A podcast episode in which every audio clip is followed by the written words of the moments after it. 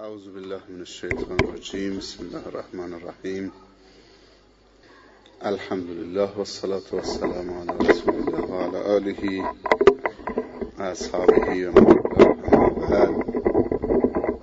السلام علیکم و رحمت الله تعالی و برکاته قبل از هر چیز و هر سخن خداوند تبارک و تعالی رو بسیار سپاس گذاریم و تشکر می‌کنیم.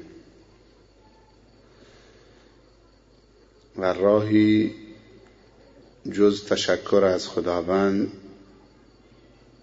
برای نجات بندگان خدا وجود ندارد. لئن شکرتم لازیدن نکن شکر نعمت نعمتت افزون کند. هرچی شکر نعمت بیشتر باشد خدا به انسان نزدیکتر می شود و بنده به خدا نزدیکتر می شود. و هرچی شکر نعمت کمتر باشد فاصله میان عبد و رب طولانی می شود زیاد می شود و بین الله و بین بندگان الله فاصله افتادن یعنی بدبختی. یعنی بدبختی برای بندگان خدا نه برای خدا. چون کفران نعمت ما و شما هیچ ضرری به خداوند نمیرساند. بلکه شکران نعمت خدا به ما نفع میرساند و ضرر را از ما دور می کند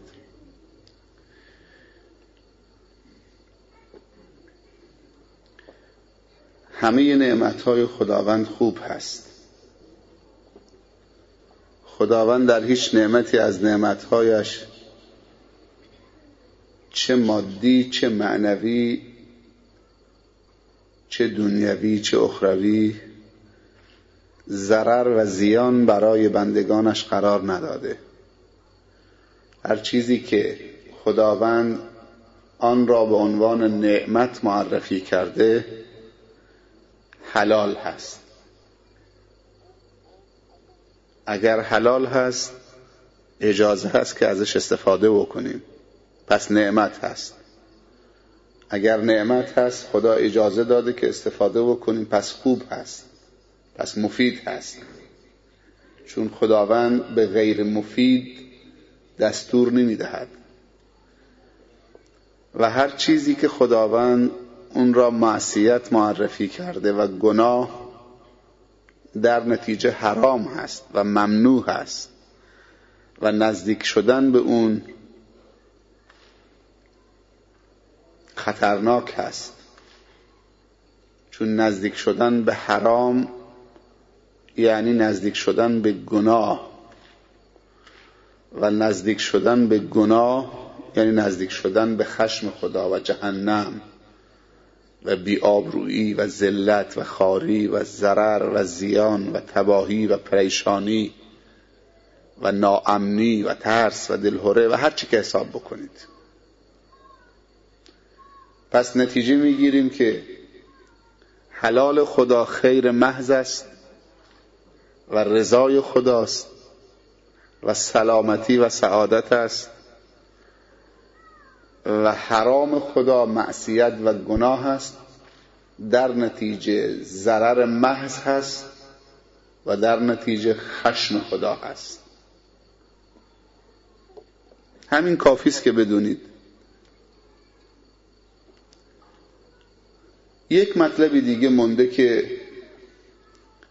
انسان بعد از اینکه این قاعده رو فهمید باید بپردازد به حلال شناسی و حرام شناسی خوب شناسی و بد شناسی پاک شناسی و نجاست شناسی.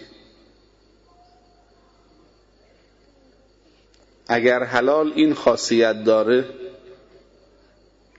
چه چیزی حلال هست تا این خاصیت نصیب ما بشود؟ اگر حرام این خاصیت داره چه چیزی حرام هست تا از اون فاصله بگیریم؟ تا از اون دوری بکنیم؟ و دوری از حرام یعنی خوشبختی یعنی سلامت. میگن دور از شطور بخواب خواب راحت کن.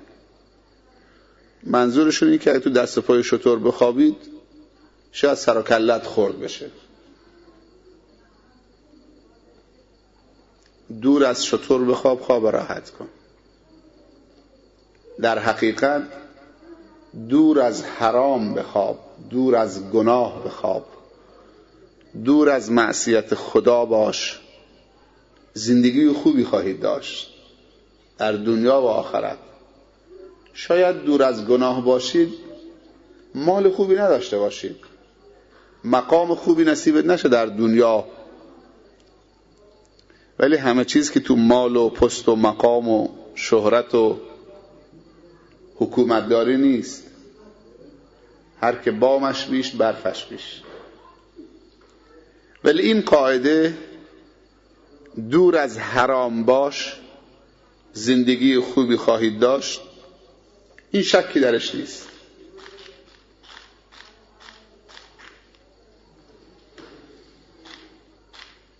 اینم یک نوع سرگرمی است و تق تق تق یک نوع سرگرمی است جاش هم تو عروسی هاست. اینطوری حالا رست شده که تو عروسی ها بچه ها ترقه بزنن فشفشه بزنن. اونجایی که کلاسشون بالاتر فشفشه می‌زنن. فشفشه ملون می‌زنن تو هوا رنگی میشه روشن میشه. خوشش میاد طرف. کیف می‌کنه. یه فشفشه فرستاد هوا. خیلی چیزا رسم شده. جزو رسم و رسومات ما هم نبوده. خیلی چیزا رسم شده. جزو برنامه های دینی ما هم نبوده. ولی به ما تحمیل شده. آمده جزو زندگی ما شده جزو شادی های ما شده جزو خوشی های ما شده. جزو خسلت های زنها و مردا و جوانای ما شده. ما باید در همه احوال شکر خدا را بکنیم. خداوند نعمت فرستاده که ما رو توانمند بکنه. نه اینکه نعمت فرستاده که ما رو ضعیف بکنه روز به روز عقبتر ببره.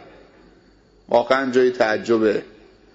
هدف خداوند از همه نعمت ها که حلال نموده که بندگانش قوی بشوند توانمند بشوند و بعد به عمرانی و آبادی زمین بپردازند. جایگاه انسان چیه؟ و ارزش انسان چیه؟ و مقام انسان چیه؟ ما داریم الله و داریم انسان. انسان نفر دوم بعد از الله هست. اول خدا بعد انسان. پس انسان بعد از خداوند رتبه دوم داره. انسان که نمی‌تونه خود خدا باشه. پس الله کسی دیگه است؟ انسان رتبه دوم بعد از الله داره. این رتبه که به انسان داده؟ الله داده. گفته تو جانشین منید.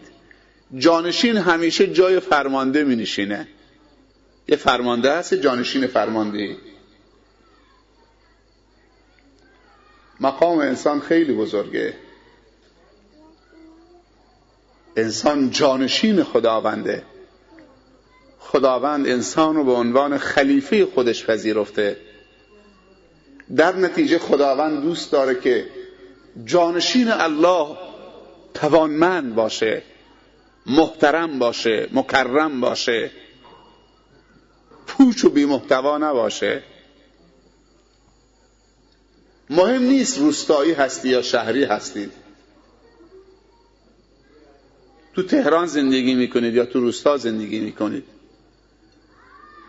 مهم که تو قبول داشته باشید که جانشین الله هستید. همه نعمت ها برای تو آفریده شده. برای توانمندی تو. و بعد از اینکه توانمند میشی جامعه را به عمران و آبادی برسانید. نه جامعه را به تباهی برسانید.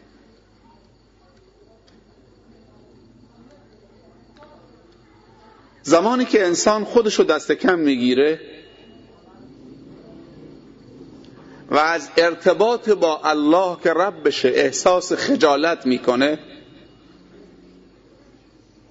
احساس شرمندگی می‌کنه و تصمیم می‌گیره که خودش خدای خودش باشه و لیاذ بالله این انسان پوچ و بی محتوا می شود.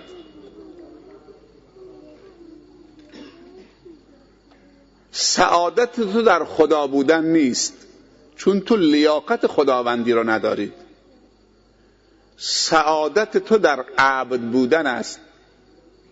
رب که فقط یکیست قل هو الله احد.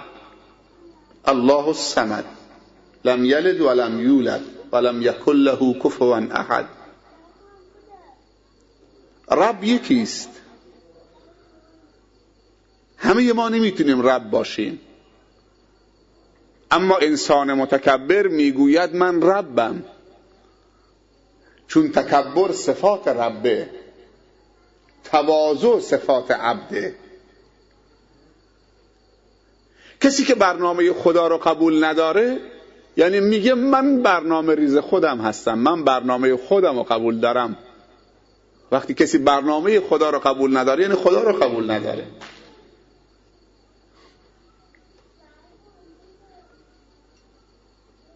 جایگاه من و تو عبد بودن هست. زمانی که ما جایگاه خودمون رو گم کردیم بی سواد شدیم. معصیتکار شدیم. با سواد شدیم متکبر شدیم. خیلی از تحصیل کرده های ما فوش به خدا میدن. هرچی علمشون تحصیلاتشون تخصصشون بالاتر میره از نماز و حجاب و دین و قرآن مسخره می‌کنن. و اینها را سبب عقب افتادگی و عقب ماندگی مسلمان ها می‌دونن.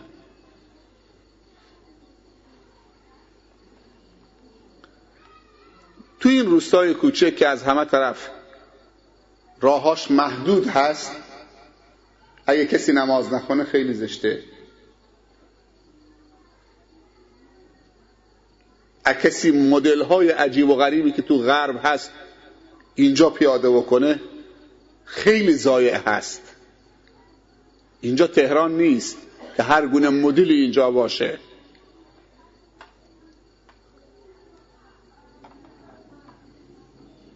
اینجا معمولا انسانهاش باید خیلی متواضع باشن.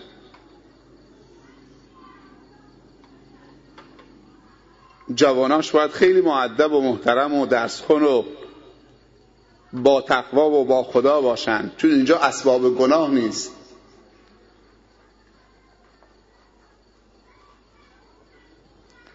اگر تو روستای شما امکانات تحصیلی نیست ابتدایی خوندید راهنمایی های شبانه روزی هست. شما تابع بستکید. بستک پیشانی فرهنگی استان هرمزگانه. شهرستان بستک پیشانی فرهنگی استان هرمزگانه. این حرف من نیست. مدیر کل سابق آموزش پرورش آقای سعیدی نامی بود. من یه روز رفتم دفترش. صحبت بستک شد. این جمله رو درباره بستک و منطقه بستک گفت. گفت بستک شهرستان بستک یعنی پیشانی فرهنگی استان هرمزگان. من تعجب می‌کنم که دوستان میگن ما تو این منطقه یک فرهنگی ثابت رسمی از خودمون نداریم. برای اولین بار دارم میشنوم که تو منطقه لاور دین و این منطقه یک فرهنگی از خودشون نداشته باشن که رسمی باشه خیلی جای تعجبه. یعنی برای من باور نکردنی است اگر یه فرهنگی ندارید سوال اینجاست ماهواره دارید؟ جواناتون کم کم با ماهواره دارن آشنا میشن؟ تو خونه ها کم کم ماهواره داره مد میشه؟ خب بیاید درس خواندن مد بکنید.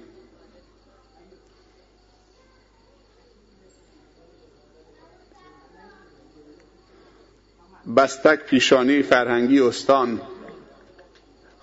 منظور ایشون خود شهر بستک نیست بیشتر فرهنگی ها و بیشتر کسانی که تحصیلات عالی دارن از روستاها و توابع بستکن. بستک به روستاهاش آباد شده. خود شهر بستک خیلی کوچیکه. حالا این چند سال اخیر داره کم کم شکل می‌گیره. خودش جمعیتی هم نداره. نمی‌دونم. شما خودتون نخواستید که عقب موندید. یا کسی مزاحمتون شده خواستید نگذاشتنتون. نگاه به جاده خاکی خودتون نکنید اینا مانع درس خوندن نمیشه. ولی همین جاده خاکی هم یک نعمتیه.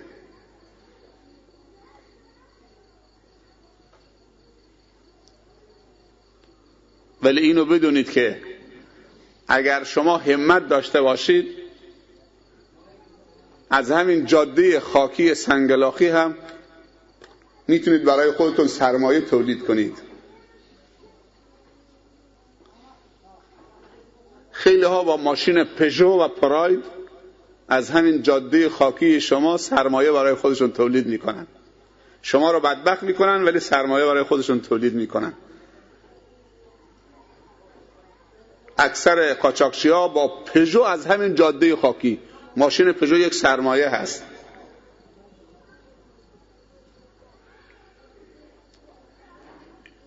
یعنی اهل این محل به اندازه چهار تا قاچاقچی که با پژوشون مواد مخدر یا جنس قاچاق رو از این جاده رد می‌کنن تو بازگاه مهران در میان رد میشن همت درس خوندن ندارن. ده تا مهندس و فاصله اینجا تا پازگاه مهران نیم ساعته. امروزه دیگه شعار به لباس پوشیدن نیست. هر کسی لباس شیکتره. و حرف بلد نیست بزنه. و کراوات هم بپوشه کت ایتالیایی هم بپوشه. سامسونیت هم دستش باشه.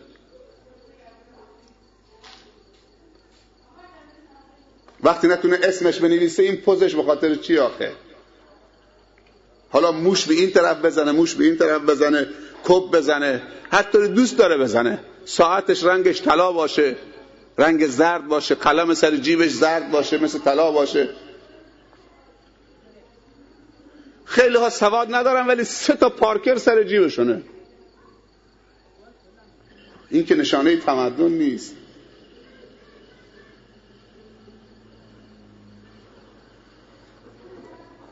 بهترین نعمتی که خداوند به ما داده نعمت علم هست. علل اطلاق و تنها نعمتی که خداوند با اون نعمت بر ما منت گذاشته و نهایت لطف و مهربانی و دلسوزی و خیرخواهیشو برای ما ثابت کرده نعمت علم و معلم هست.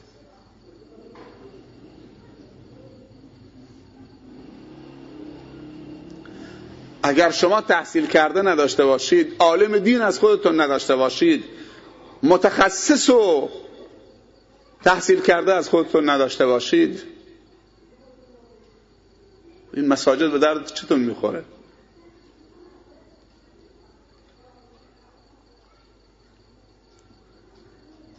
بالاخره یه تکونی باید بخورید.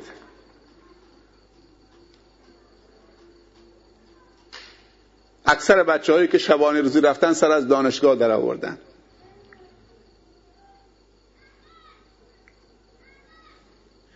تو دژگون شبانه روزی هست.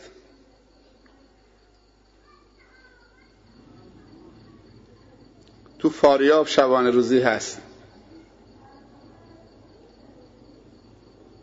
تو کنچی شبانه روزی هست. اینجایی که دارم میگم هست خودم آمدم رفتم تو اون مدارس.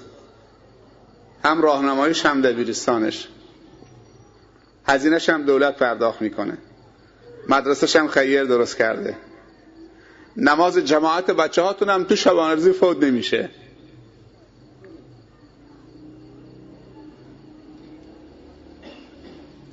ما در دو هفته گذشته در محل خودمون سه تا تصادف با موتور داشتیم. در زمان دو هفته یعنی پونزه روز که از این سه تا تصادف دو تاشون مردن فوت کردن. یکیشون در حال مرگ تو کماست و یکیشون هم پاشون خورد شده.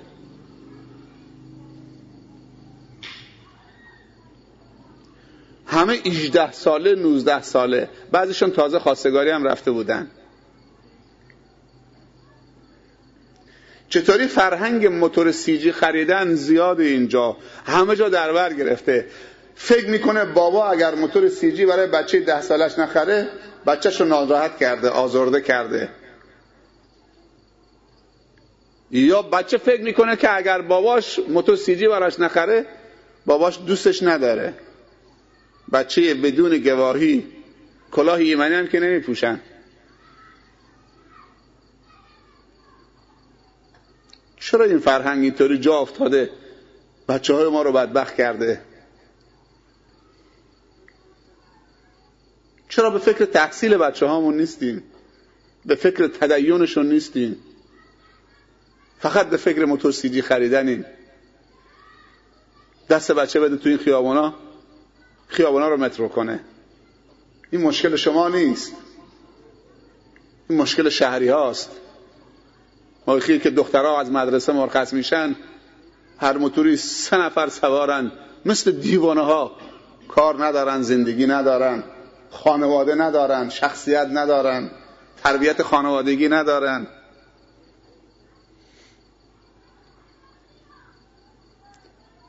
تو شهر اگر این مسائل باشه شهر دیگه. ولی توی روستایی تو دامنه کوه که وحی از کوه شروع شده. اولین آیه قرآن در کوه نازل شده. از کوه باید ما درس بگیریم. درس استقامت و استوار بودن و محکم بودن و در مقابل بادها متلاشی نشدن. پیامبران از کوه چه درسی گرفتن؟ درس صبر استوار بودن شامخ بودن. کوه که کاه نیست. کوه کوه. و الجبال اوتادا. پیامبر می‌رفت.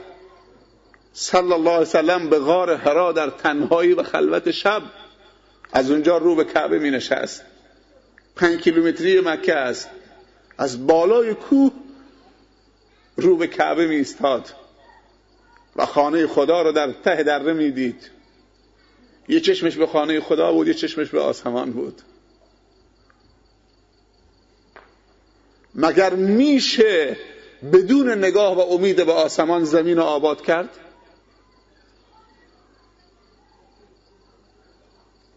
زمین رو بلند کرد.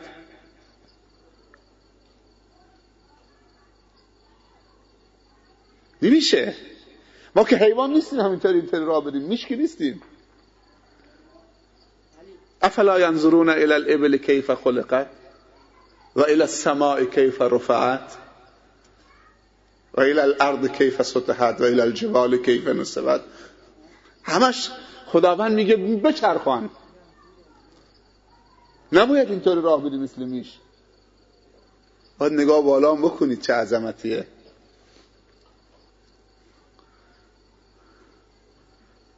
ابتدای قرآن از کوه نازل شده.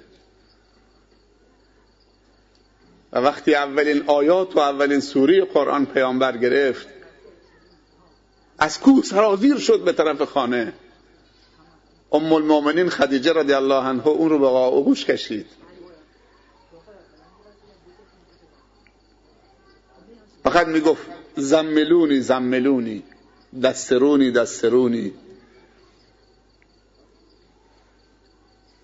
چی شده؟ می‌گفت شخصی منو فشارد. چیزی نمونده بود که دنده هام در هم کوبیده بشه. فقط به من می‌گفت اقرا اقرا اقرا اقرا بخوان بخوان. چی بخوانم؟ اقرا بسم ربک الذی خلق. بخوان به نام پروردگارت.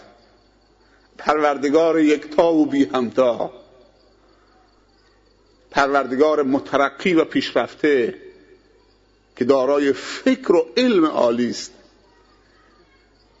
ذاتی پیشرفتهتر ذاتی متمدنتر ذاتی مترقیتر آگاهتر باسوادتر توانمندتر از ذات الله داریم؟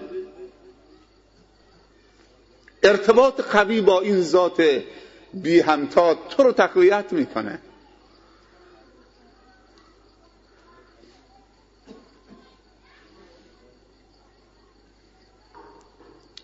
جامعه جاهلیت قریش به کجا رسیده بودند با همین خواندن به کجا رسیدن؟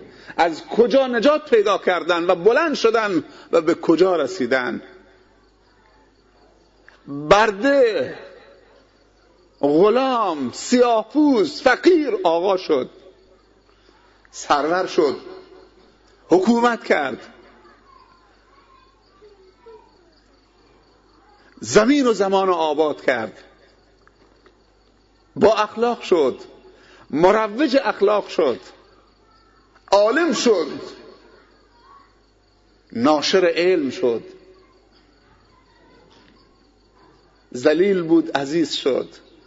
فقیر بود غنی شد. به جایی که دیگه جایی برای مال تو بیت المال مسلمین وجود نداشت. از بس که اموال سرازیر بیت المال شده بود. تو کوچه های ممالک اسلامی جارچیان صدا می‌زنند فقرا مساکین بیت زکات بگیرید پول بگیرید مال بگیرید. فقیر نبود. امروز ما به کجا رسیدیم؟ 1400 خورده ای سال از اون نعمت گذشته از اون دین گذشته. باید روز به روز ما تقویتمون بیشتر باشه بیشتر متمسک باشیم. ولی روز به روز عقبتر داریم میریم.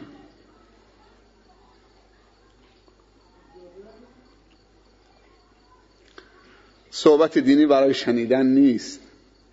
برای معلومات عمومی نیست. دیشب تو شیراز بودم. ساعتهای تقریبا دوازده یک بود که موبایل زن خورد. توی جلسه نشسته بودیم. یکی از من سوال کرد. خیلی به حساب کنجکاو بود و خیلی متحمس بود منفعل بود. گو یه سوال برام پیش آمده. وقت دارید موقعیت اجازه میده که جواب این سوال؟ خیلی مهمه این سوال. گفتم خدایا یعنی نصف شب نه که با مردش دعوا شده مشکلی پیش آمده. خانواده می‌خواد از هم متلاشی بشه. گفتم چه سوالی داره این ساعت یک نصف شب دوازده و نیم شماره موبایل گرفته. سوال دارم. خب سوالت بفرما. وقت هست. گفت قرآن چند تا نقطه داره؟ همین. ساعت یک نصف شب سوال دارم. مثل دیوانه ها قرآن چند تا نقطه داره؟ همین بس. مثل این میمونه که آقا رفته سفر حج که تواف خانه خدا بکنه. از یه عالم اونجا سوال می‌کنه که مسجد الحرام چند تا پنکه داره؟ چند تا فلاس داره؟ چند تا ستون داره؟ منم خیلی راحت بهش گفتم نمی‌دونم. گفت ببخشید شرمنده به همین راحتی گفتم نمی‌دونم. چند تا نقطه داره؟ من بیکارم کارم نقطه های قرآن بشمارم. یا فتحه های قرآن بشمارم یا چند تا کسره داره؟ قرآن کتاب عمله فکر ما رو به چه مشغول کردن؟ همین می‌خواد معلومات عمومی ما اضافه بکنیم در اسلام هر سوالی که عمل شرعی و عبادت روی اون مترتب نشه اون سوال ممنوعه. هر سوالی که عمل شرعی و عبادت روی اون مترتب نشه اون سوال در اسلام ممنوع کردنش.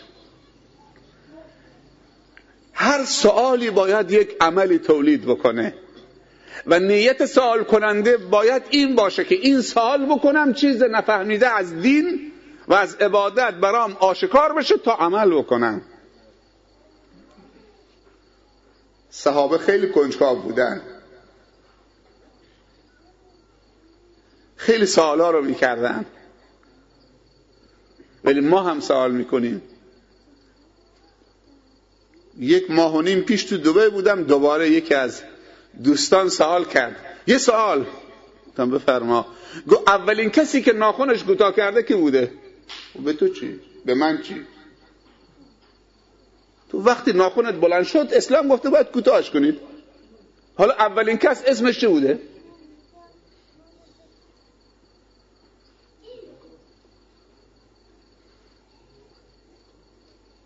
این سوال شرعیه؟ اولین کسی که ناخونش کوتاه کرده کی بوده؟ پیامبر صلی الله علیه وسلم میفرمایند پنج چیز از فطرت هست. پنج چیز از فطرت هست. اینو انجام بدید. یکی ناخون کوتاه کردنه. یکی موهای زاید بدن کوتاه کردنه. ولی ما برعکسش می‌کنیم. از پیرش گرفته تا جوان روز جمعه می قبل از نماز ریش سیویلش رو دو تیغه می‌کنه. که سنت پیغمبر لباس سفید هم بپوشه غسل بزنه بره نماز جمعه. بعد میگه اینا موی زاید بدنن. پیامبر صلی الله علیه وسلم میفرمایند اگه یک موی ریشت سفید شد اونو نکن چون نور خداوندیه. حالا ما یا موی سفید ریشمون رنگ می‌زنیم؟ یا هم دو تیغش می‌کنیم. سنت پیغمبر مچاله می‌کنیم. این دادیم تو سطل زباله. بعد میگیم سنت که روز جمعه آدم تمیز باشه. موهای زاید بدنش. چه حرفا می‌زنید؟ بس سوال می‌کنیم اولین کسی که ناخونش کوتاه کرده که بوده؟ ناخون زنها و دخترها این قدره. ناخون هست که تو دکه و تو نمی‌دونم اونجایی که وسایل آرایشی میفروشن ناخون میفروشن. ناخون ها پیامبر گفته ناخون کوتاه بکنید تو صد بندازید زباله. یه جای چاله بکنید. ما میریم زنها و دخترهای مسلمان میرن ناخون می‌خرن از فروشگاه. ناخون مصنوعی می‌خرن. یه چسبی هم داره می‌زنن اینجا.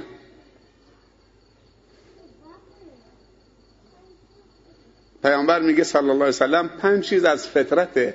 در همه ادیان آسمانی وجود داره در مذهب انسانی وجود داره. یکی ناخون کوتاه کردن. یکی موی زائد بدن کوتاه کردن. یکی مسواک زدن. یکی ختنه کردن. یکی هم بوخوشی. آقا سوره هم بلد نیست سوال می‌کنه که رنگ سگ اصحاب کف چه رنگی بود؟ به تو چی آخه؟ چه رنگی بود؟ حالا می‌خواد بدونه که اون سگ اصحاب کف چه رنگی زرد بوده سیاسفید بوده دو رنگ بوده یک رنگ بوده چطوری بوده؟ ما به تو چی؟ اگر لازم بود خود خداوند رنگش هم می‌گفت. درختی که حضرت آدم خورده و حضرت حوا چه درختی بود؟ همه میگن چی میگن؟ چی میگن همه؟ از کجا فهمیدی که گندمه؟ من میگم پرتقال بوده. تو کدوم کدوم آیه قرآن آمده که گندمه؟ و تو کدوم حدیث آمده که گندمه؟ اصلا چه عبادتی روش مترتب میشه؟ حالا سوال کن تو سوره هم بخون. تجویدش روز چند بارم تو نماز رکن نمازم هست. اگه کسی جوابش نداد دیدی اینم اینم عالمی که صحبتش می‌کردید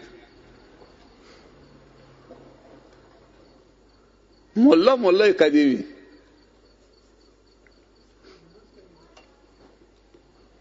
ملای قدیم و جدید نداره که. هر کسی از خدا و رسول خدا درست گفت حالا قدیم باشه جدید باشه. ما که کفر نمیگیم که.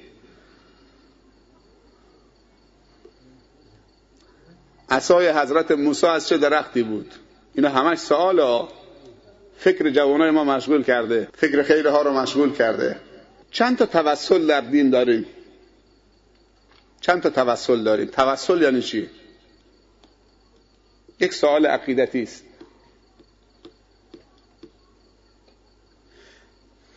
توسل یعنی وسیله‌ای که تو با اون بتونید به خدا نزدیک بشید و از خدا چیزی بطلبید. با چه وسیله‌ای می‌تونیم از خدا چیزی بطلبیم؟ پیامبر صلی الله علیه وسلم فرموده توسل در اسلام ستاست. غیر از این ستا شرکه توسل. یک توسل به اسمها و نامها و صفات پاک خداوند. به اسما و صفات. ولله الاسماء الحسنى فدعوه بها. از خداوند می‌خوای چیزی به طلبید اول متوسل میشی به اسمهای پاک خداوند. یا ارحم الراحمین یا حی یا قیوم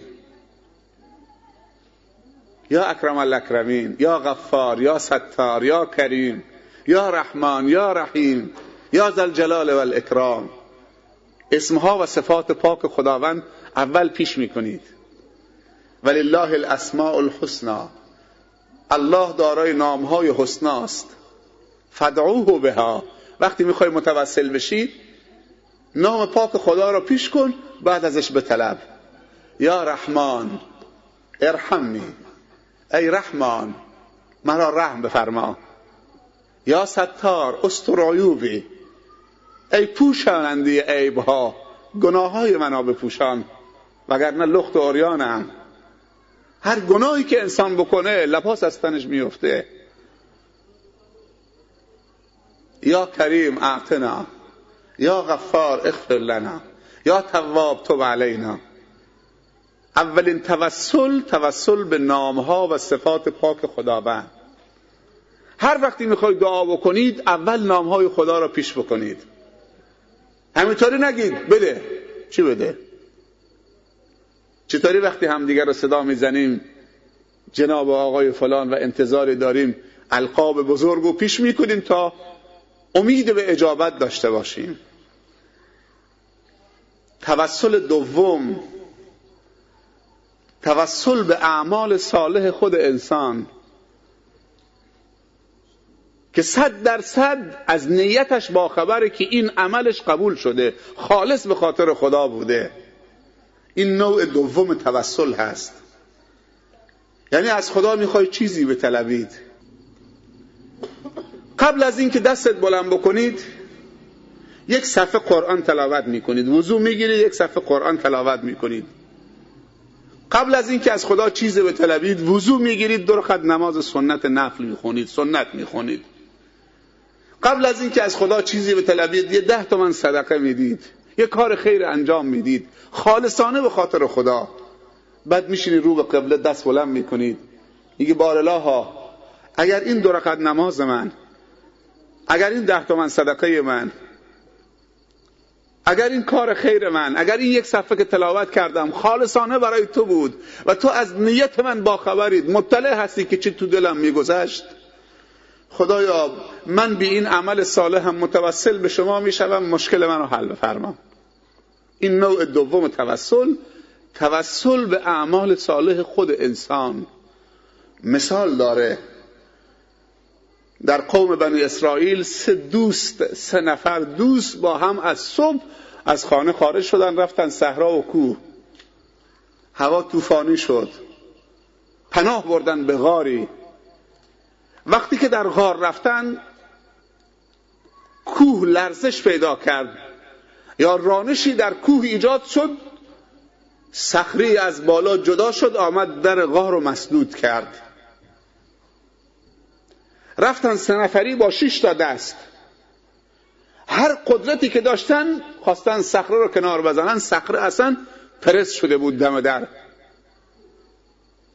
نشستن سه نفری.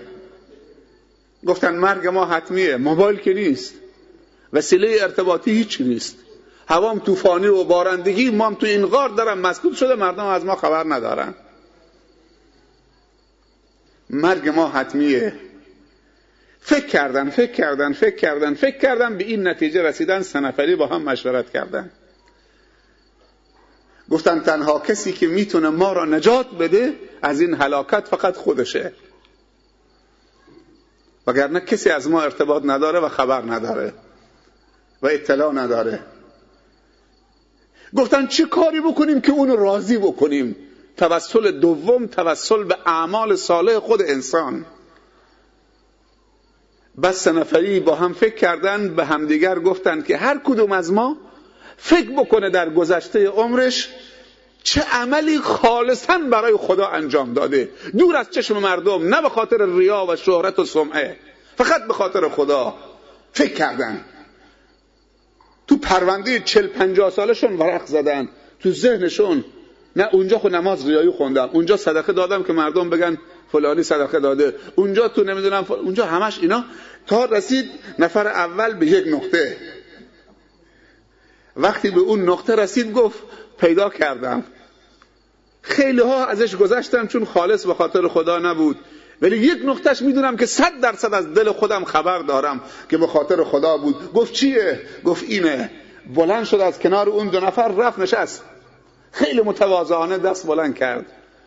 گفت بارلاها من پدر و مادر پیری داشتم. خوب دقت بکنید. بارلاها من پدر و مادر پیری داشتم. و گله گاو و شطور و گوسفند داشتم. ایالوارم بودم بچه داشتم. هر روز می‌رفتم گله رو میوردم صحرا شیر رو میدوشیدم می آوردم قبل از اینکه به بچه هام بدم اول به پدر و مادر پیرم می‌دادم تا اونها بخورم بنوشن از من راضی باشن. بعد به بچه ها و فرزندانم می‌دادم. تا اینکه یکی از روزها رفتم صحرا دنبال گله وقتی آمدم که شب شده هوا خیلی تاریک شده. مقداری از شب گذشته بچه ها گرسنن همه گریه می‌کنن. شیر تو دستم آوردم دویدم به طرف پدر مادرم که هر دوتا خواب رفتن انتظار کشیدن خواب رفتن. بچه هم فریاد می‌زنن گریه می‌کنن بابا شیر بده. من همطور لیوان شیر یا اون ظرف شیر رو تو دستم گرفتم ایستادم به بچه هم ندادم که اول پدر و مادرم رو راضی بکنم. و این دوتا همجور تو خواب بودن بیدار نشدن تا وقت سحر بیدار شدن که من ایستادم سر پا ظرفم تو دست منه.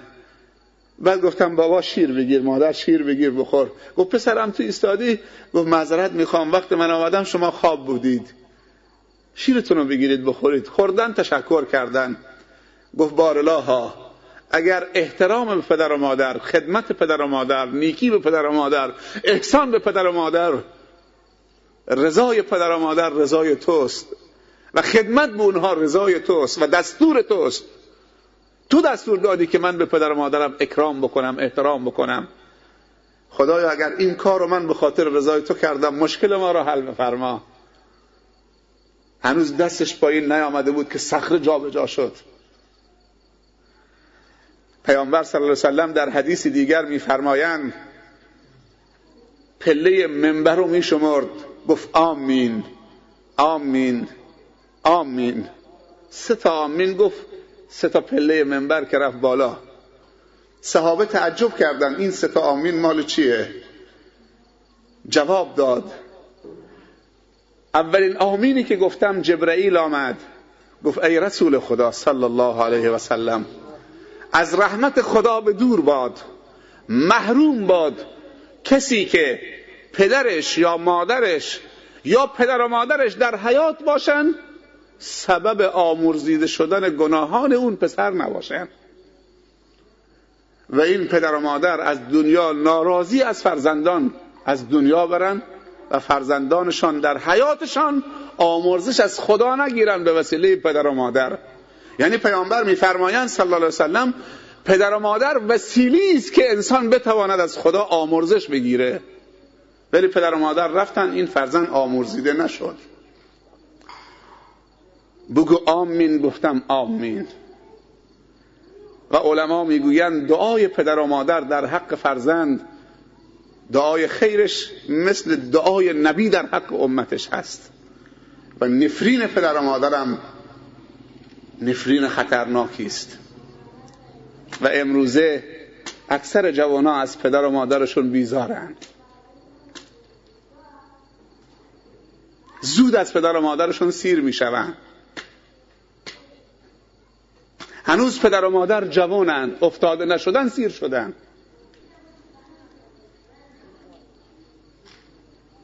مادر چل ساله پنجاه ساله خدا نکنه که مریض بشه افتاده بشه. خانه سالمندان.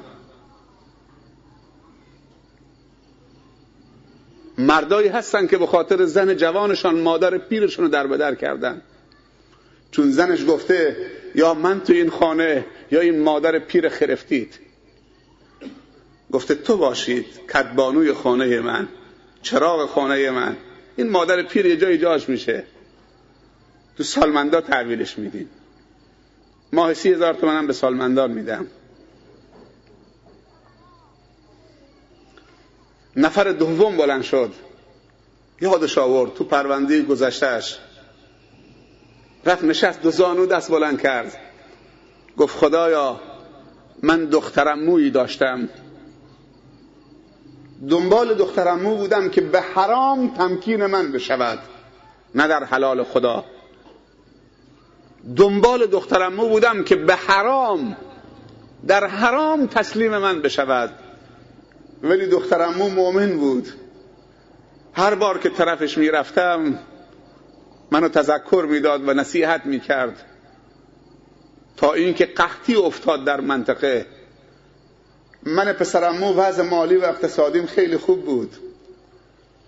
یک روز دو روز یک ماه دو ماه قحطی همه جا را در بر گرفت. دخترمویی که سالهای سال دنبالش بودم که تسلیم من بشه تسلیم نمی‌شد از خدا میترسید. یه روزی در خانه من زد. در باز کردم که دخترم موست گفت پسرمو میدانی قحطی شده. خدا به تو مال داده امکانات داده. یه مقداری از اون امکانات در اختیار من بگذار تا بتونم خودم رو از مرگ نجات بدم. پسرمو در منتهای بیرحمی گفت من در اختیار تو قرار میدم به همون شرط قبلی که خودتو تمکین من بکنید. دخترمو سرش انداخت پایین رفت خجالت کشید. دوباره برگشت. نیاز داره. دوباره رفت و برگشت دوباره رفت و برگشت.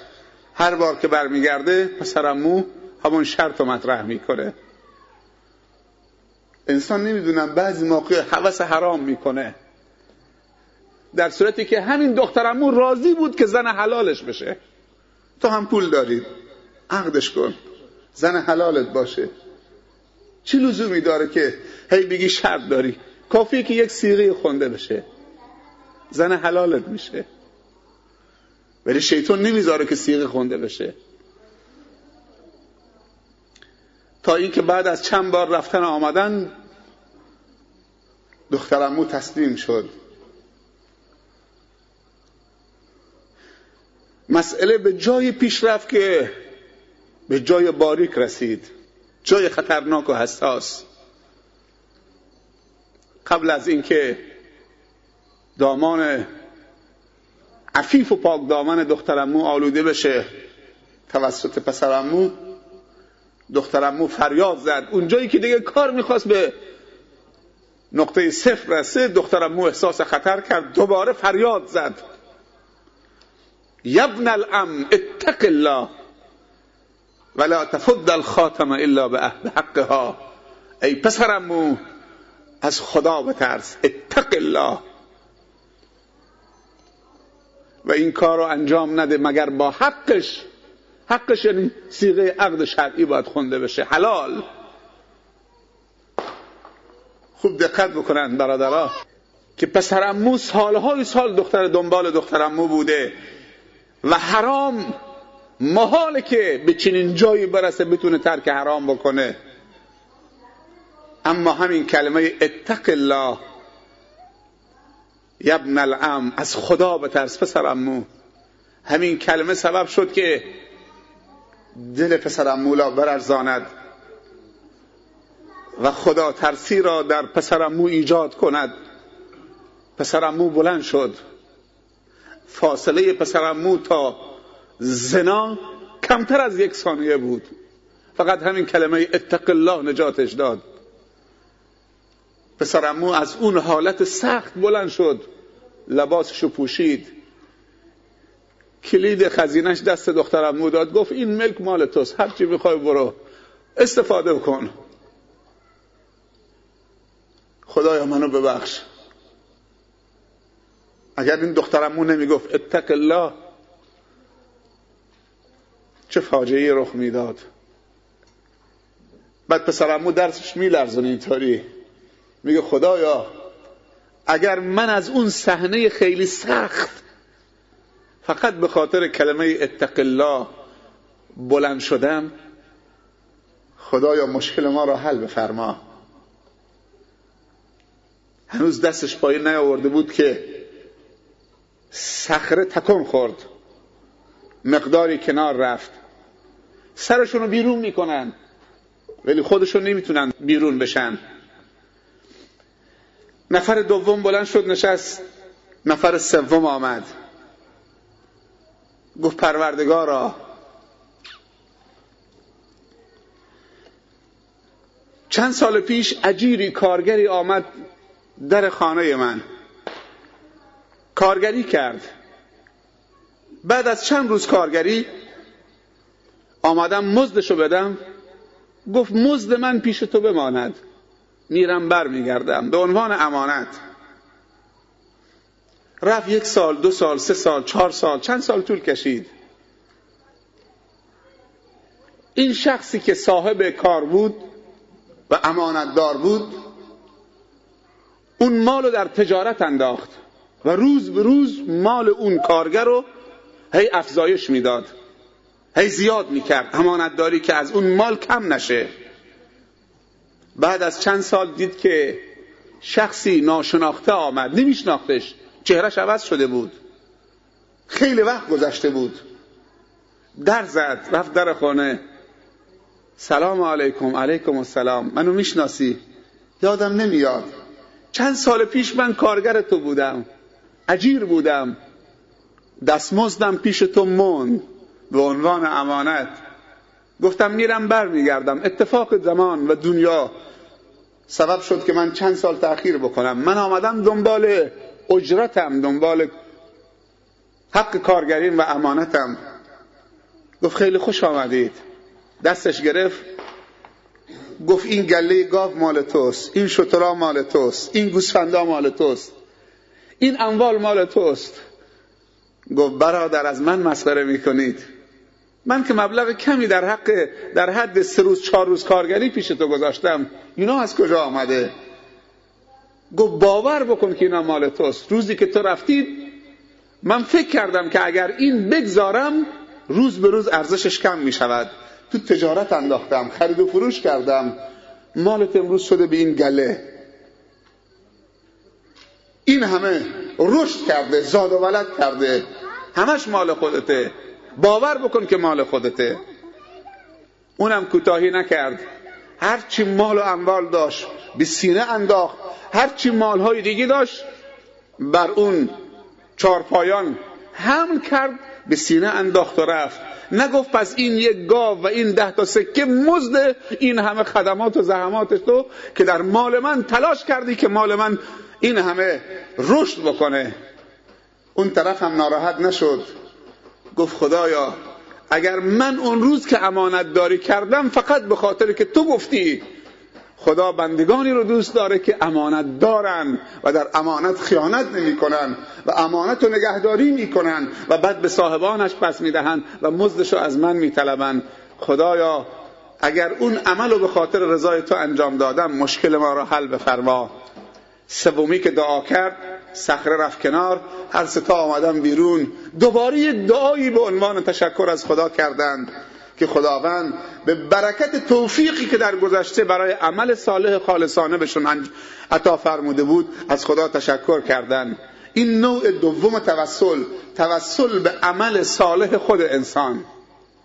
سومین نوع توسل که مشکل ما تو همین نوع سومشه. خیلی ها با نوع سومش از خدا دور می‌شوند و دچار شرک می‌شوند و به دام شرک خدایی نکرده و اعتقادای ضد توحیدی میفتند توسل به دعای شخص صالح در حیاتش. خوب دقت بکنید. توسل به دعای شخص صالح در حیاتش. مشکلی در زندگی دارید. بچه مریضی دارید. پریشانی دارید. احساس می‌کنید که بیماری صعب العلاجی دارید. همسایه نگاه بکن. تو دوستانت بچرخ. تو محله بچرخ. کدوم یکی از همه حلال خورتره کدوم یکی از همه متواضع تر و خاکی تره کدوم یکی از همه به خدا نزدیکتر و با تقواتره؟ کدوم یکی از همه با محبت تره؟ اگر چنین شخصی رو پیدا کردید حتی اگر آدرس و تابلو هم نداشته باشه که اینجا هیکل می نویسن اینجا تعویز می نویسن اینجا افسون شرعی می کنن اینجا باد می زنن اینجا فلان می کنن اینجا شفا می بخشن حتی اگه تابلو هم نداشته باشه در خونش بزن برادر یا تو کوچه تو مسجد هر جای دیدیش. من مشکلی دارم. دعا بفرمایید. همراه دعای خیری که برای خودت و فرزندانت می‌کنید خدا این مشکل رو از من دور بکنه. و پیامبر صلی الله علیه وسلم میفرمایند دعای خیر برادر مسلمان برای برادرش استجابت می شود بدونی که از اجر خودش کم می شود چرا در حق همدیگر دعا نمی کنیم رسول الله صلی الله علیه و سلم برای نصرت اسلام و تقویت اسلام دعا کرد برای هدایت حضرت عمر رضی الله عنه. حضرت عمر شخصیت بزرگی در جاهلیت بود در قریش بود قدرتی بود. پیامبر دعا کرد خدایا اسلام را عزیز بگردان قدرت ببخش قوت ببخش پیروز بگردان با اسلام و هدایت عمر ابن الخطاب. دعا مستجاب شد عمر مسلمان شد و از اسلام عمر مملکت ما و مملکت روم و دنیا مسلمان شدن و اسلام واقعا به اوج رسید و قدرت گرفت. چرا دعای خیر نمی کنیم؟ چرا دعای هدایت نمی کنیم؟ چرا همه عادت کردیم نفرین بکنیم؟ حتی به فرزندانمون. اگر بچه شیطنت کرد تو خونه مادرش برمیگرده برو به درک. درک می‌دونی کجاست؟ اون مادری که میگه برو به درک. بعضی موقع دیگه دنبالش هم میگن. برو به درک اسفل السافلین. اعلى الالیین داریم. بهشت خدا. و اسفل السافلین داریم. قعر جهنم. ان المنافقین فی الدرک الاسفل من النار. جایگاه منافقین در درک اسفل سافلین هست. بهشت دارای درجات. جهنم دارای درکات. درک در جهنم طبقات جهنم بهش میگن درک. اما بهش دارای درجات. از اینجا شروع می شود می رود به بالا. سعود بالاترین درجه بهشت فردوس اعلاست. پیامبر صلی الله علیه وسلم میفرمایند هر وقت از خدا بهش میطلبی فردوس بطلبید ولی مادر خیلی راحت بچه شیطنت می‌کنه تو خونه. به جایی که دعای هدایت بکنه خدا هدایتت بکنه پسرم. پیامبر صلی الله علیه وسلم وقتی به طائف رفت که دین و ایمان رو بر اونها عرضه بکنه اون رو خونالود کردن از طائف بیرون کردن. هرچی اوباش منطقه بودن دنبالش ریختن. با سوت و هورا و تا پیامبر رو بیرون کردن. زید همراهش بود. سینه ایستاده بود. هرچی سنگ می آمد تو صورت زید می‌خورد. در یک محل بیرون از طائف نشستند خداوند فرشته مسئول کوه را فرستاد. گفت ای پیامبر خدا صلی الله علیه وسلم خدا منو فرستاده که به امر تو باشم. این طائف و مکه بین دو کوه بزرگه. به من اجازه بده تا به هم پرس بکنم. تا هیچ احدی از اونها نمونه. نبی خدا را اذیت و آزار رساندن. پیامبر همطوری که خون از خودش پاک می‌کرد. خیس عرق شده بود و دل آزرده شده بود. گفت اللهم مهد قومی فانهم لا یعلمون. خدایا قوم منو هدایت بده. اونها نمی‌دانن. نبی رحمت بود. اما مادر میگه برو به درک اسفل سافلین یعنی برو به جهنم. این بچه طبیعی که جهنمی خواهد شد. ناخلف خواهد شد. وقتی مادر که اون همه عاطفه داره همش ریفلین می‌کنه. از همدیگه دعای خیر بطلبید. برای همدیگه دعای خیر بکنید. انسان وقتی شهاده داد در همه چیز مسلمان شریک میشه. هر انسانی در روی زمین چه تو بشناسید چه نشناسید دو تا جمله گفت با هر مسلمانی شریک میشه. دیگه به تنهایی حتی دعا کردن هم برای خودش لذت نداره.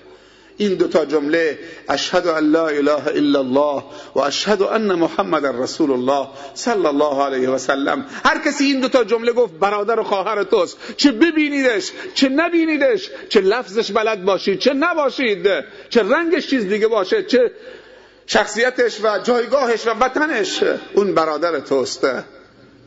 در تو شریک در همه برنامه ها شریکه. به تنهایی دیگه نمی‌تونید برای خودت هم دعا بکنید. اگر تو دعاهاتون متوجه شده باشید اللهم اغفر للمسلمین والمسلمات والمؤمنین والمؤمنات الاحیاء منهم والاموات اللهم اهدنا في من هديت وعافنا في من عافيت وتولنا في من توليت وبارك لنا فيما آتيت دیگه دعا کردن هم وقتی دعا می‌کنید حتی قرآن که می‌خونید در نماز اهدنا الصراط المستقیم. ایاک نعبد و ایاک نستعین. در نماز شریکته در دعا شریکته. برای خود تنها نمی‌تونید دعا بکنید. دعا رو دست کم نگیرید. دعا همزه وصل بین عبد و ربه. دعا مخ عبادته. دعا یک سرمایه پایان ناپذیره. و پیامبر صلی الله علیه وسلم میفرمایند دعایی یکی از شما استجابت می شود به شرطی که عجله نکنه و هر دعا کردن سه حالت داره. اگر خدا خیر تو رو در اون دعا دونست در جا به تو میده. همون لحظه ای که دعا کردی فرداش به تو میده. به شرطی که مسلحت و خیر تو در اون بدونه. نه اینکه خودت فکر بکنی این خیر به نفع توست. بعضی موقع همسایه ماشین می‌خره. اینم ناخواسته بلند میشه. میگه خدا یک ماشین هم به من بده. به اون دادی حالا چی میشه که من به من بدید؟ میگه بابا صبر کن. حالا اون ماشین خریده شما صبر کنید بعد بدید میگه نه همین نزدیکی به من بده. ماشین هم بهش میده. اولین باری که بره تو خیابون یا یک نفر رو می‌کشه سی میلیون تومن دیگه به گردنش میافته یعنی چهار برابر قیمت ماشینش. یا هم خودش میزیره تریلی خودش خانمش بچهش همش پرس میشن میرن. عجله نکنید. دعا بکنید. نتیجهشو واگذار بکنید به انتخاب خود خداوند. بگید خدایا من دعا می‌کنم. هرچی که خودت صلاح می‌دونی به نفع دین و دنیا و آخرت من هست. پروردگارا اون رو عطا بفرما. ولی ما اصرار می‌کنیم نه خدا اینو بده اینو بده. شاید به ضررت باشه. آدم بوده که راننده اتوبوس بوده چهل نفر رو یک جا کشته. چهل تا دیا به گردنش انداختن. حالا اگر تو ماه محرم و ماهای حرام بوده هر نفری چه؟ 60 میلیون دیه شونه از خداوند بطلبید که همیشه خیر سر راه شما سبز بکنه. شما دعای بیرون رفتن از منزل بلدید. شما که سوال می‌کنید نکته های قرآن چند تاست؟ شما نه. دعای بیرون رفتن از خانه و چه فضیلتی داره؟ پیامبر صلی الله علیه وسلم فرموده هر کسی قدم که از خانه بیرون گذاشت به قصد بیرون رفتن به هر امری که داشته باشه بگه بسم الله توکلت علی الله لا حول ولا قوة الا بالله. سه تا جمله. همتون بلدید. ولی شاید نمی‌دونستید که جاش کجاست و پاداشش چیه. از خانه که قدم گذاشته بیرون بسم الله توکلت علی الله لا حول ولا قوة الا بالله. پیامبر صلی الله علیه وسلم میفرمایند هر کسی همین سه تا جمله بگه هنگام خارج شدن از منزل خداوند فرشتی را میفرستد در گوشش به او می‌گوید. هدایت شدی. راه پیدا کردی. این بسم الله گفتن یعنی راه پیدا کردن. هدایت شدی. این اولین پاداشش. کفایت شدی. کفایت شدی. الله کافیته حفاظت شدی. شیطان از تو دور شد. بسم الله. توکلت علی الله. لا حول ولا قوت الا بالله. چهار تا پاداش هدایت شدی. کفایت شدی. حفاظت شدی. شیطان از تو دور شد. سه تا جمله کمتر از یک دقیقه وقت می‌گیره. کافی است که نیتت با خدا باشه. قدمت گذاشتی بیرون. بسم الله. توکلت علی الله. لا حول ولا قوت الا بالله. هدایت شدی. کفایت شدی. حفاظت شدی. شیطان از دور شد.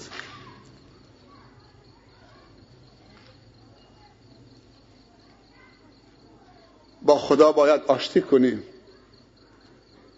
وگرنه هر چی مال حرام در ظرف یک سال تبدیل به دنیای از اموال بکنید الله قادره که با یک تصادف تو رو قطع نخوا بکنه. بعضی موقع یک چیزهایی میشنویم. دوستانی به ظاهر نمازم می‌خونن اما میگن پول حلال جمع نمیشه. پول حلال جمع نمیشه. که خونه درست بکنیم ماشین بخریم. پول حلال فقط به خاطر بخور نمیری که نمیریم. یعنی می‌خواد بگه به تعبیر دیگه پول حلال برکت نداره. یعنی برکت نداره که انسان ماشین بخره. فلانی دیروز رفته تو خط سیگار؟ دیروز. یکی از دوستان چند روز پیش تعریف می‌کرد می‌گفت یک جوان 16 ساله تو یکی از روستاهای اطراف بندر عباس در سن 16 سالگی 900 میلیون تومن پول داشته. پول خودشو نه پول باباشا جوانی در یکی از روستاهای اطراف بندر عباس در سن 16 سالگی 900 میلیون تومن پول داشته. ولی سر از ایوین در میاره. 900 میلیون تومن پول. کارش سیگار فروشی بوده. هر هفته هم ماشینش عوض می‌کرده. از این مسیر اون مسیر اون مسیر اون مسیر. اول همین نزدیکا تحویل می‌داده بعد میبرده نمی‌دونم. تا تهران میرسونده بدون کسی بگیردش حرفه‌ای شده بود. 16 سال. بعد دو تا از همین سرحدی ها بهش میگن که تو 900 میلیون پول داری. حیف نیست که دوباره کار سیگار بکنی. خیلی دوستای خوبی بودن نه؟ تو 900 میلیون تومن پول داری 16 سالته. حیف نیست دیگه کار سیگار بکنی که این همه جنگ حساب برا درست کنه. ما شما رو راهنمایی می‌کنیم. این 900 میلیون تو یک سرویس دو میلیارد سودشه. یک کمی مورفین و حشیش. و تریاک. دیگه کلاست باید بره بالا دیگه سود سرویس یک میلیون تومن و دو میلیون تومن فایده نداره. 16 سال 900 میلیون تومن. چقدر می‌خواد بخوره؟ اینم میگه یه لحظه احساس کردم که من یه سرویس برم تا تهران یا مثلا تا فلانجا تا شیراز برسونم حالا یک کیلو مورفین باشه حالا یک کیلو هم نمی‌دونم تریاک باشه یا پنج کیلو ده کیلو باشه. من که همیشه سیگار رد کردم کسی منو نگرفته. این دفعه مورفین می‌زنم دوست داره منو نصیحت می‌کنه. یک سفر دو میلیارد. سودشه. چقدر دوستای خوبی هستن. همین دو میلیارد سود رویایی سبب شد که سالهای سال به کنج زندان بخوابد و هر 900 میلیون از دستش برود.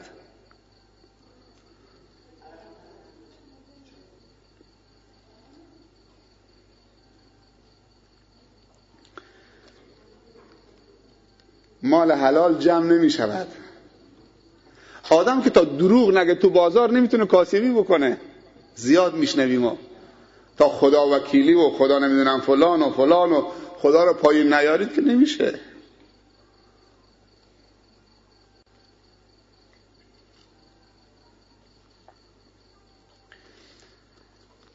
خدا دعا رو قبول می‌کنه به شرطی که ما عجله نکنیم. اگر خیر ما در اون خواسته بود که طلبیدی در جابت میده. ادب در دعا چیه؟ ادب در دعا این که دعا بکنید بعد بگی خدایا باز هم میگم من این خواستم هست نیاز دارم. ولی اگر می‌دونی که صلاح دین و دنیا و آخرت من در اونه به من بده.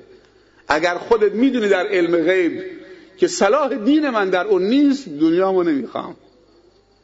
از من دور بگردم. این ادب دعاست. نه به من بده هر طوری میشه بشه. پهلوانه نه. به من بده هر طوری میشه بشه. بعد میاد میگه که شنیدید خودتونا خدا نمی‌دونه به که پول بده.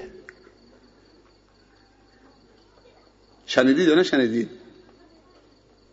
ما بندری ها میگیم خدا نادم به کی پول آدن اگه به می‌داد شما که.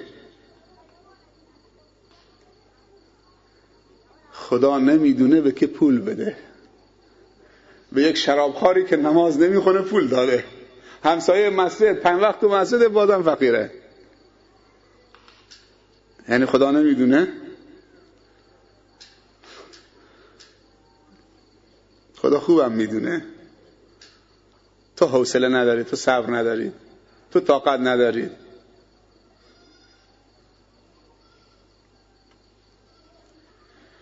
حالت دوم اجابت دعا خدا اون چیزی که خواستی بهت نمیده. اما یه بلایی که از بیخ گوشت می‌خواد رد بشه می‌خواد تو پیشونیت بخوره با همون دعا که کردی بلا ازت دور می‌کنه. سه حالت داره. اگر خیرت درشه بد میده. اگر خیرت درش نیست که بده یه بلای ازت دور می‌کنه. خیلی وقتا بلا از بیخ گوشمون آمده. فاصله من و تو با مرگ یک ثانیه بوده. یک سان بوده. خدا چرخونده. خودت هم فهمیدی که یک کار خیری کردید یه دعای خیری در گذشته کردید. حالت سوم اگر در دنیا به نداد بلام از دور نکرد روز قیامت خدا نتیجه اون دعا رو برا ذخیره می‌کنه. روز قیامت که رفتی خدا میگه این مال توست این مال توست این مال توست. خدایا من که این کم کار خیر نکردم. میگه یادت فلان روز دعا کردید من صلاح ندونستم در دنیا بد بدم. برات ذخیره کردم که روز قیامت که میای چشمت روشن بشه. اینا همش نتیجه دعای خودت مال خودته. مبارکت باد. حالت سوم توسل توسل به دعای انسان صالح در حیاتش. معنیش چیه؟ یعنی کسی سر قبر کسی نره دست دراز بکنه. اگر سر قبر مرده رفتید حتی پیغمبرم باشه دست دراز کردی پیغمبر بده شفا بده مشکل حل بکن. این شرکه. توسل به دعای شخص صالح در حیاتش زمانی که زنده هست. اونهایی که آدرس میدن فلانجا دعا می نویسن فلانجا هیکل میبندن. فلانجا نمی‌دونم قند باد می‌زنن. فلانجا گل باد می‌زنن. گل به خورد مردم میدن. یعنی اسلام و عقیده اینطور پوشالی شده که گل باد بزنن بخورید.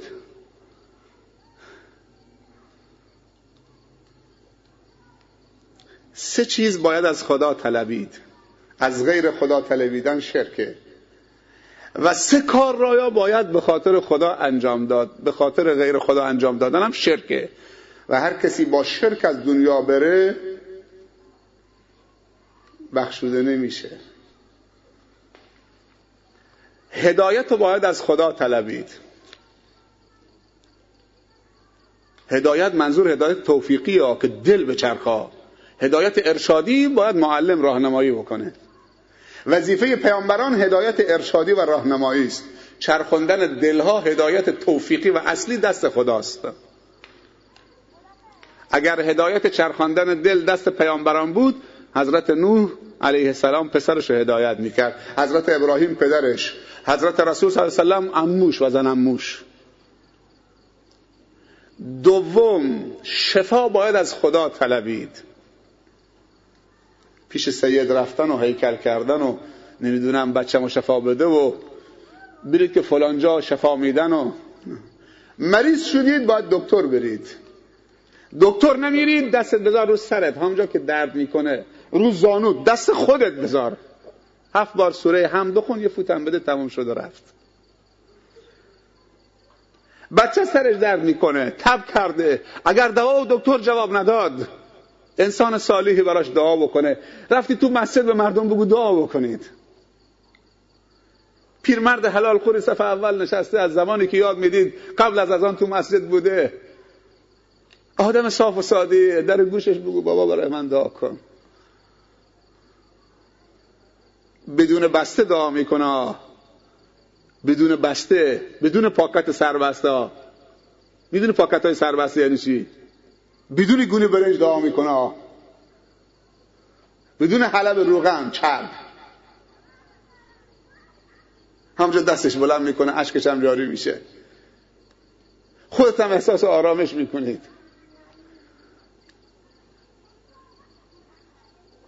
بعضی موقع به مسلمونی سلام می‌کنید تو بغل می‌گیرید. ما تو همین مراسم زیاد میریم.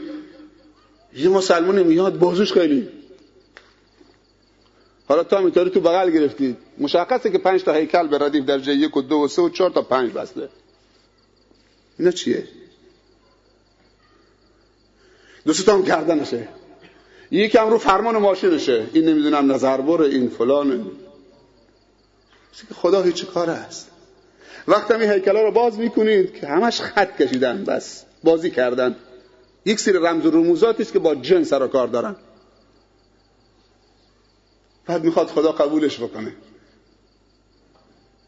وقتی عقیده متزلزله خدا چطوری نصرت بکنه؟ در جاهلیت عرب وقتی که از دشتی و دری رد می شدن اعتقاد داشتن که در اون دره دیو هست. دیو هست حاکم اونجا.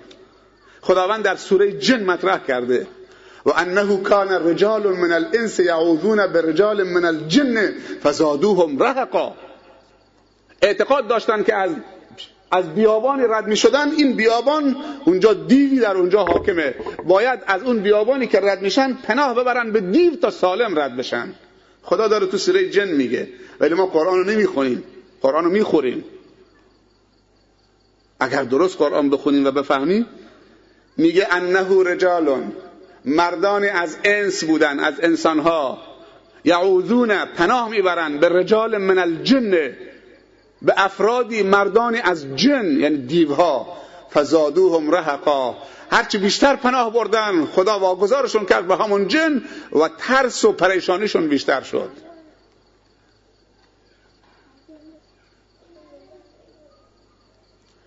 هدایت از خدا باید به طلبی شفا از خدا باید به طلبی همسرش حامله نمیشه باید بره گل بخوره. قند بخوره. نمیشه نمیشه. شخصی زنش همیشه دختر به دنیا می آورد. خدا در قرآن گفته یا دختر و پسر میدم یا پسر میدم یا دختر میدم یا هیچ کدوم نمیدم. همش دست منه. بی یکی می‌بینی دوازده تا داده پنج قلو میزایه. یه نفرم پونزه ساله یکی هم نداره. همسایش هم پنج قلو داره میاره.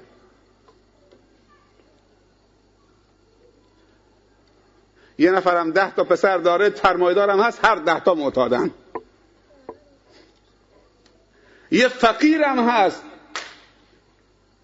یه پیکانوانی تو داره کرایه کشی می‌کنه. ده تا دختر و پسر داره همه دانشجو و مهندس و دکتر ماشاءالله. و همه آدم های پاک خوب. دو تا خاطره بگم.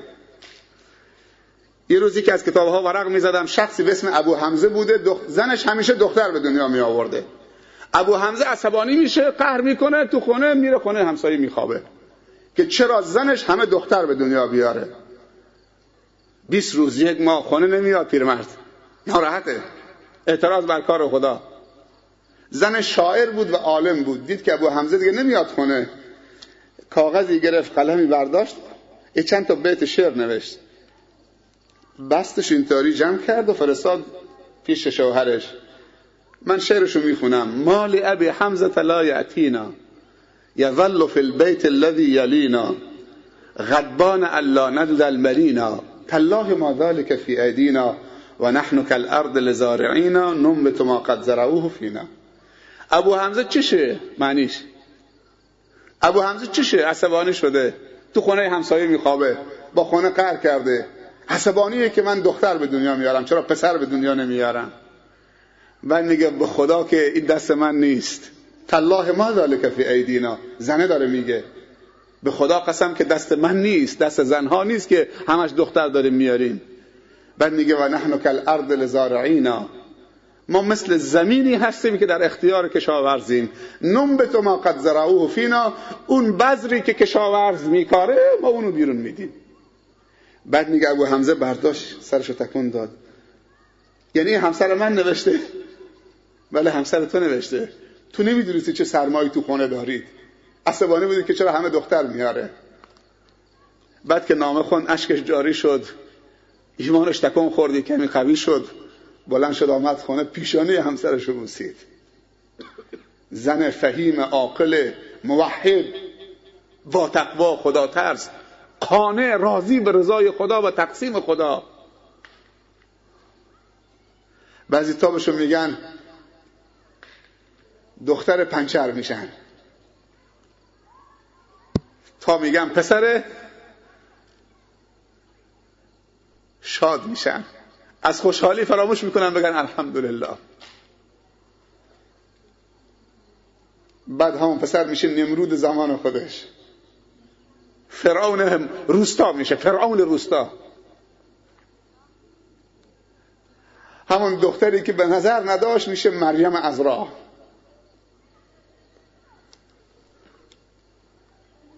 از همون دختر عیسی درست می‌شود.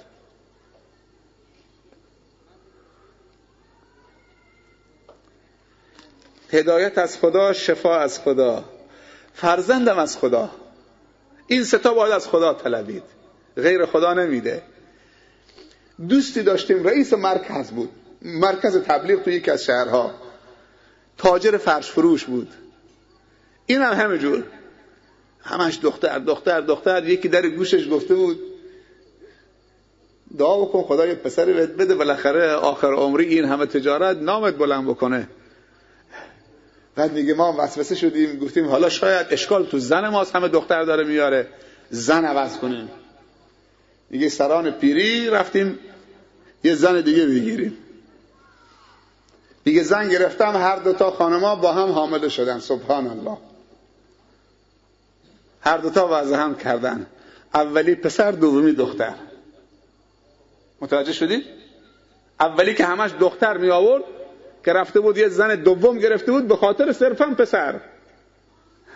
با هم حامله شدن. اولی سبحان الله. که ازش بیزار شده بود پسر آورد. دومی که به خاطر پسر گرفته بودش و زن اولی رو کنار گذاشته بود دومی دختر آورد. نمیشه با خدا جنگید. دیگه فهمید که اشتباه میگه فهمیدم که اشتباه کردم. گفتم خدایا منو ببخش.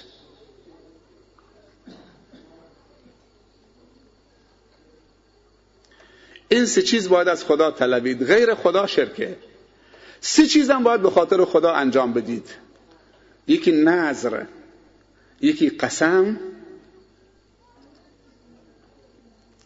و سوم قربانی و ذبح. نظر به غیر خدا شرکه. قسم به غیر خدا هم شرکه. جان مادرم به اون پیر و پیغمبری که میپرستید به اون درخت به اون قبر به اون سن. هم شیعه هم سنی مشکل دارن. همه دارن قسم می‌خورن به غیر خدا. هزار تا ماشین رد میشه شاید ده تا ماشین فقط نوشته پشتش فقط خدا. باقی خدا هیچ کار هست. حتی پشت ماشینا.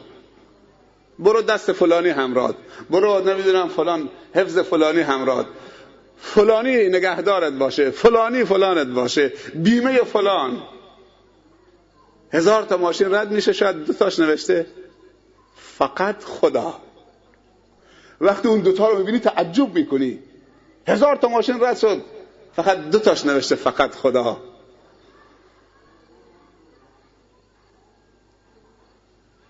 قسم باید فقط به خاطر خدا باشه.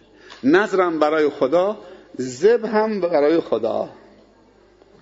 زب هم نباید کنار درختی باشه که مردم اونجا اعتقاد دارن. یا کنار سنگ قبر باشه یا در زیارت باشه.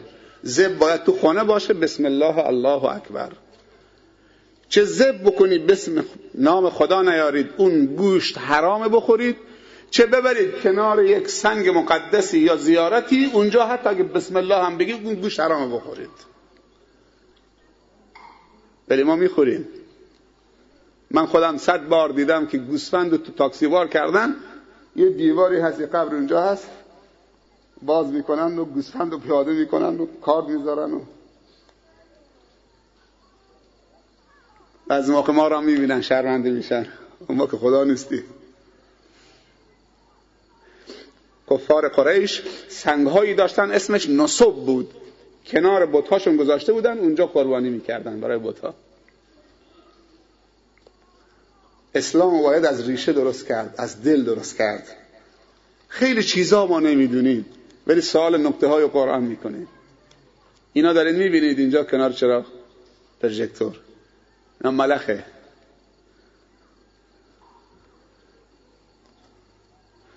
قدیم وقتی می آمدن دیگه کل منطقه اینطوری می‌کردن. خواهش. شهر ما نرید هرچی نخل و آبادی و همه میخوردن. یکی از بلاهایی که خداوند بر قوم بنی اسرائیل فرستاد همین جراد بود.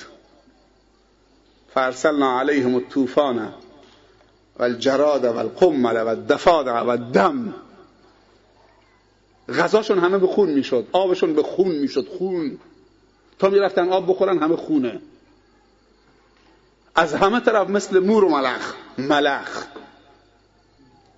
کورباغه تو زندگیشون پر بود سر سفرهشون تو اتاقشون همه کورباغه. شپش. همه جوری به جون هم افتاده بودن. زن مرد پیر جوان. شپش قمل. رو دوشکشون تو اتاق خوابشون رو بالشتشون تو اتاقشون تو خونشون تو محل کارشون همه شپش. با خدا کنار بیایید تو خانه خدا نشستیم بالاخره این همه راه آمدیم تو این یه مقدارش آسفالت بود یه مقدارش خاکی بود. تلافی آسفالت رو در آورد. بالاخره یه چیزایی از عقیده یاد بگیریم. توسل به خدا یاد بگیریم تا زندگی عوض بشه. بچه هاتون بفرستید درس بخونن. درس دین و دنیا بخونن. با هم خوب باشید احترام همدیگه بذارید. سعی بکنید روستاتون آباد بشه. یک ماه پیش تو روستای گزیر. اسم شنیدید؟ گزیر؟ مردم گزیر یه جشن گرفتن. می‌دونید جشن چی بود؟ جشن عروسی هم نبود. یکی از بچه هاشون موفق شده بود که دکترا بگیره دکترا. لیسانس فوق لیسانس دکترا. اسمش دکتر زاری فرد کل مردم گزیر جشن گرفتن که تشکر بکنن از این جوان که دکترا گرفته و بهش هدیه دادن و تشکر کردن. تا تشویق هم باشه برای دیگر جوان مدرسه تعطیل میشه مکتب خانه ها باز میشه. تلاش بکنید انشاءالله. این دو ماه فقه سیرت حدیث احکام یاد بچه هاتون بدید. مدرسه بفرستید حمایت بکنید. اهل خیر رو جذب بکنید. تا انشاءالله روستای شما آباد بشه منطقه آباد بشه. شیخ زایی هم فکر نکنید از غیر کنارزرد بود. شیخ زایی بزرگ هم از کنارزرد بود. هود به اندازه کنارزرده. پنجاه و سه سال پیش شست سال پیش حساب بکنید شست سال پیش هود مثل کنارزرد امروزه بوده. ولی شیخ زایی ازش درآمد. جزاکم الله خیر. برای همه شما آرزوی موفقیت دارم. تشکر می‌کنم از خداوند و از این داماد این جلسه که اسمش کیه؟ کجا هست اصلا؟ داماد هست؟ ما رو دعوت کرده خودش فرار کرده. خیلی وقتا میشه من مراسم میرم سخنرانی می‌کنم خداحافظی هم می‌کنم داماد نمی‌بینم. بارها شده. تشکر می‌کنم از برادرم محمد صدیق. فامیلش کیه؟ پاکنیان از اینکه ما رو دعوت کردن. گفت شب جمعه گفتیم ما وقتمون پره. گفتم پس مشورت کن اگر که پنج شنبه می‌تونید بعد ظهر چهارشنبه ما در خدمت شما هستیم. دیگه مشورت کردن زد که برنامه قبول کردن چهارشنبه باشه. پدر مادر شنبه آمرزه. می‌خواد یه خیلی به مردم روستاش برسه. حالا چهارشنبه باشه پنجشنبه باشه دوشنبه باشه. هر وقتی که وقت باشه این خیر برسید برسونین. خدا اجازه خیرشون بده انشالله که در تمامی مراحل زندگیشون موفق و معید باشن. زندگی مشترکشون رو با این جلسه خوب خدایی و خدمت به مردم منطقهش شروع کرد. قطعا خاتمش هم به خیر خاتمه خواهد شد و فرزندان صالح ثمره این ازدواج خواهد شد. و امیدوارم که خداوند آرزوهای خوب همه دوستانی که اینجا حضور دارن و در جلسه شرکت کردند همه رو به آرزوهای خوبشون برساند و همه ما و شما در خانه خدا هستیم. همه ما و شما در طول مراحل زندگیمون خاتمه به خیر باشیم و نمیریم و سعادت و خوشبختی و کمال فرزندانمون ببینیم که چطوری فرزندانمون بندگان خوبی شدن برای خداوند و بندگان خدومی شدن برای بندگان خدا و انسانهای مفیدی خواهند شد و تحصیلات عالی دین عالی اخلاق عالی. اقتصاد عالی فرقی نمی کنه امیدواریم که انشاءالله شاهد این برنامه ها باشیم و اینو بدونید که چقدر زمان زود میگذره. یکی از دوستان سوال کرد گفت یادت چند سال پیش آمدی اینجا؟ ما فکر می‌کردیم سه چهار سال پیش آمدیم. بعد گفت ده سال پیش آمدید جلو همین مسجد. اون عروسی که من اینجا آمدم این مسجد قدیمی و کهنه بود تقریبا. جلو همین مسجد اینجا یک مراسمی بود. جمع خیلی جمع بود. شب خوبی بود حقیقتا برای ما. دوباره خاطره رو زنده کردیم. جزاکم الله خیر. موفق و معید و سربلند باشید. خب دیگه زمانم دیر شده. حوصله کردید. و همینجا مجلس رو خاتمه میدیم و از برادرای کوخردم تشکر می‌کنیم که زحمت کشیدن. از آقای سماک هم تشکر می‌کنیم که بالاخره از قشم کجا اینجا هم یک بالاخره سرودی در وصف بهشت خوندن و در وصف قیامت و بندگان مؤمن خدا در صحرای قیامت که چه حالتی دارن.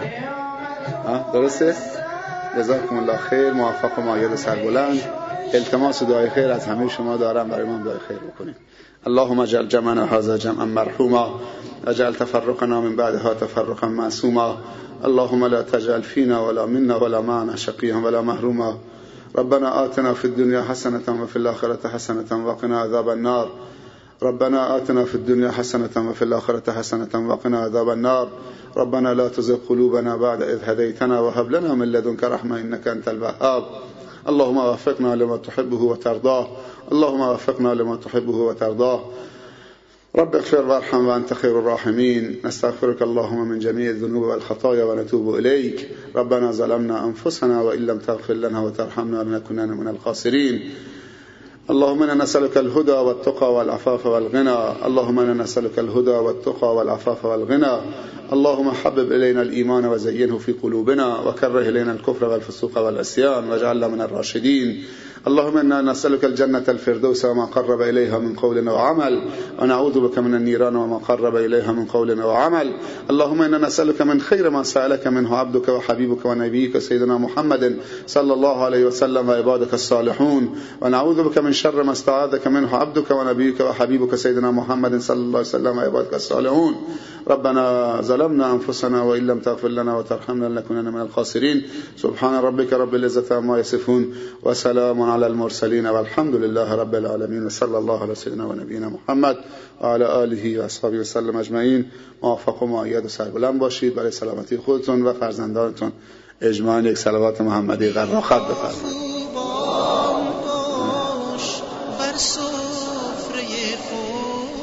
دست هم دیگر هم بگیرید هم دیگر حلال بکنید. دست هم دیگر نوش از دل و جان.